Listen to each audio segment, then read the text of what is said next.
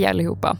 Inför Halloween har Hire and Fire-podden samlats här i studion för att berätta arbetsrättsliga skräckhistorier.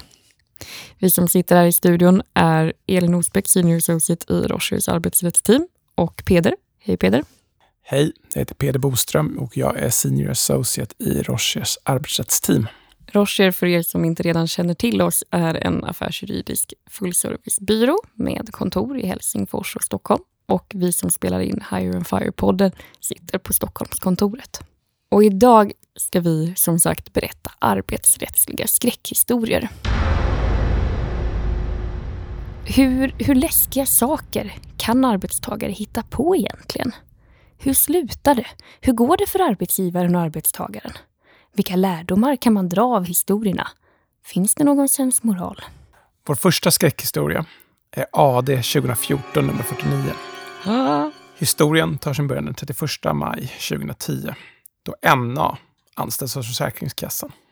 Hon informeras i samband med den utbildning hon får för sitt arbete på Försäkringskassan om de jävsregler som finns på Försäkringskassan.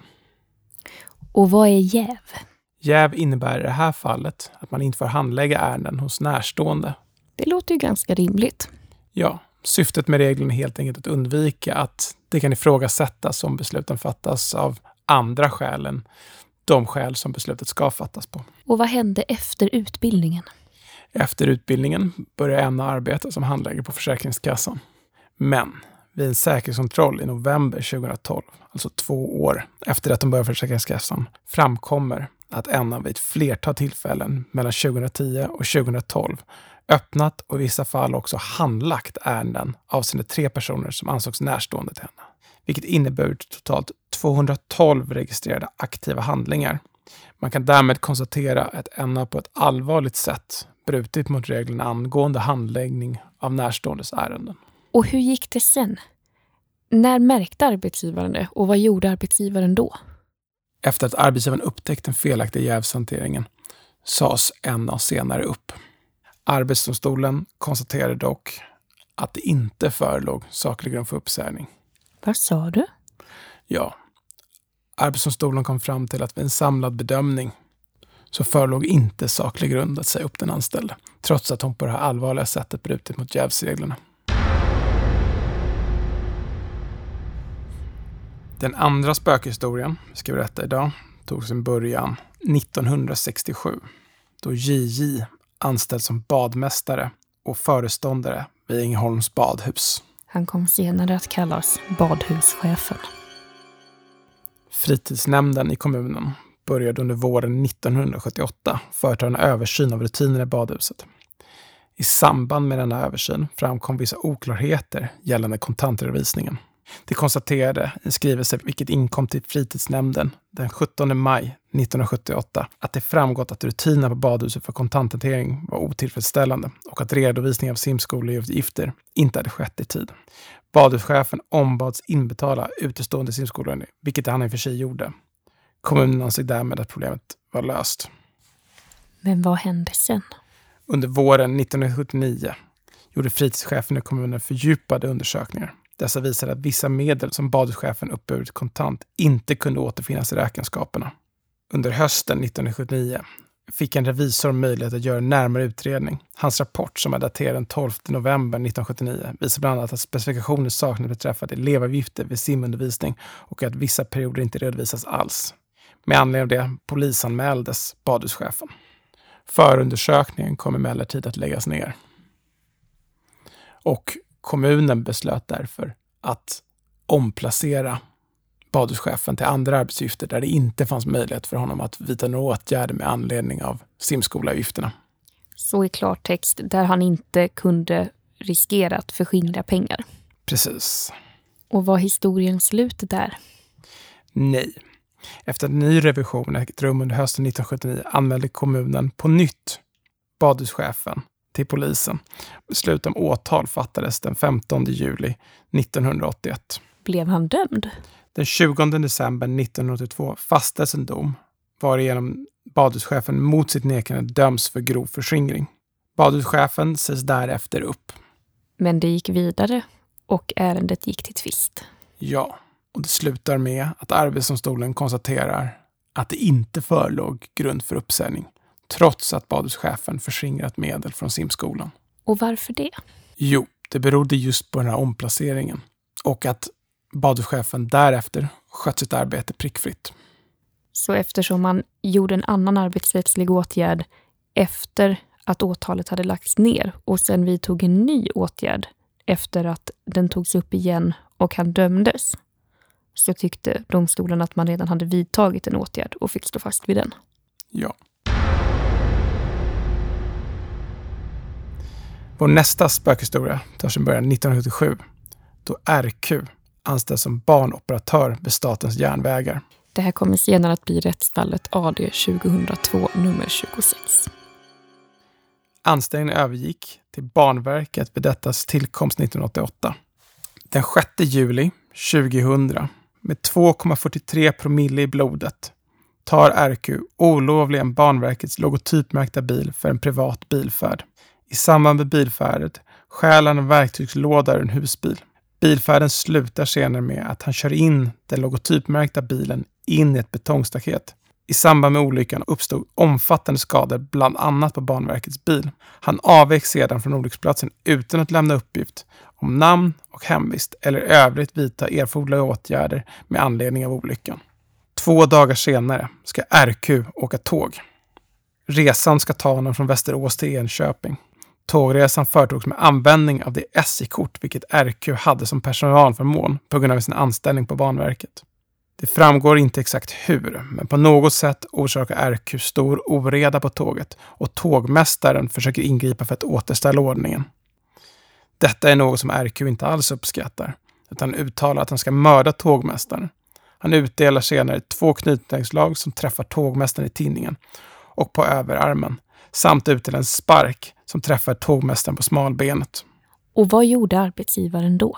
Arbetsgivaren säger upp RQ. Men det gick inte vägen, utan de hamnade i domstol. De hamnar i domstol. Arbetsdomstolen konstaterar senare att det inte förelåg saklig grund för uppsägning. Nej, varför inte det? Arbetsdomstolen konstaterade att brotten på tåget, även om det i och för sig finns en stark koppling mellan Banverket och tågverksamhet, får anses vara begångna på hans fritid och inte riktade mot arbetsgivaren. Men då när han körde rattfull med arbetsgivarens bil? Även där ansåg Arbetsdomstolen, märkligt nog kan jag tycka, att det inte fanns något direkt samband med hans anställning på Banverket. Och en arbetsrättslig takeaway här är ju i princip att man tänker sig att arbetstagare har en fritid och eh, om man begår brott på den har det inte automatiskt en koppling eller påverkan på tjänsten. Men däremot att brott i själva tjänsten som tydlig utgångspunkt ändå alltid utgör saklig grund för uppsägning eller avsked. Vilket för oss till nästa skräckhistoria. Vår sista spökhistoria tar sin början 1965 då GM börjar i Göteborgs Hamns yrkesskola.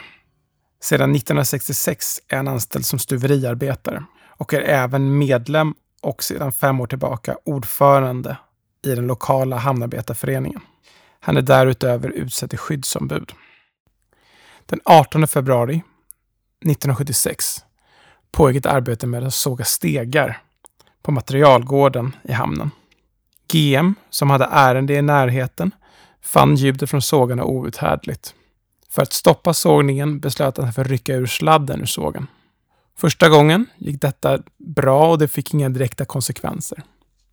Andra gången han ryckte ur sladden för att stoppa sågen slant mannen som hanterade sågen så illa att han rispade till armen med sågen.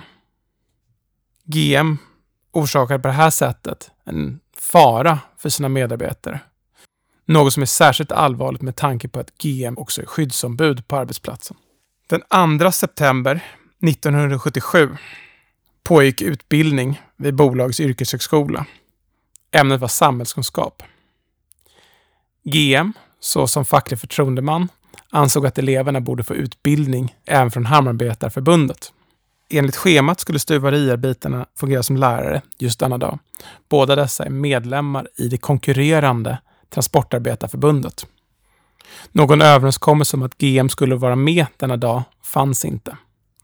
Trots det beslöt han sig för att ändå dyka upp i skolans lokaler för att kunna berätta om den fackliga verksamheten. GM uppmanas vid ett flertal tillfällen att lämna lokalen, men så sker inte. Det hela slutar med att undervisningen för dagen får avbrytas och vissa elever går hem. Den 30 januari 1978 skulle en av bolagets tjänstemän parkera sin bil. Tjänstemannen kom dock att parkera sin bil på en plats som GM förbehållen arbetarna att parkera på.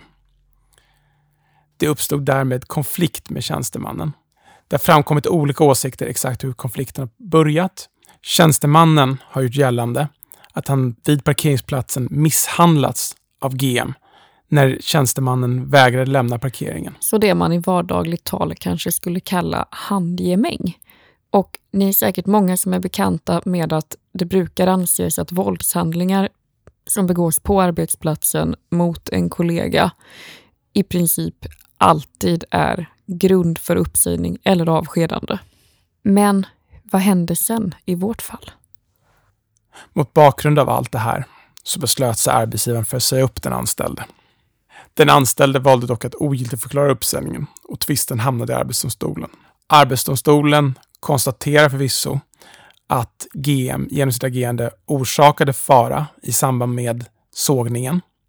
Man konstaterar också att han olovligen befann sig på yrkeshögskolan och där förstörde undervisningen för den aktuella dagen. Man konstaterar också att han har, som vi tidigare nämnde, med fysiskt våld tvingat in en annan anställd på företaget tillbaka ner i sin bil. Men hur var det där? Domstolen hade ju lite intressanta tankar om vad som kunde bevisas angående GMs uppsåt i den sista händelsen. Det fanns som sagt meningsskiljaktigheter angående om huruvida GM misshandlat tjänstemannen eller inte. Arbetsdomstolen finner att GM inte haft det uppsåt att orsaka de skador som tjänstemannen har åsamkats. Utan man skriver istället att det förefaller tvärtom mer sannolikt att GM genom sina åtgärder endast syftar till att med våld trycka ner tjänstemannen i förarplatsen på bilen. Och hade arbetsgivaren saklig grund för uppsägning av GM? Arbetsdomstolen konstaterar att det inte fanns saklig grund att säga upp GM. Och med de orden börjar det bli dags att tänka på sensmoralen. Kan man dra några lärdomar av de här skräckhistorierna? En sån är att även om det i vissa fall som rör personliga skäl eller avskedande ofta kan kännas eller tyckas vara ganska tydligt om det finns grund eller inte för uppsägningen eller avskedandet och därför hur Arbetsdomstolen kommer att döma så kan man aldrig vara säker. Och även om arbetstagaren har begått aldrig så illa handlingar finns det ändå alltid en risk att arbetsgivaren klandras för sitt eget agerande i relation till det inträffade. Och det kan ibland, när det vill sig illa, skälpa utgången i målet. Och med de orden så avslutar vi Hire and Fire för den här gången och önskar er en rysligt trevlig Halloween. Hej då!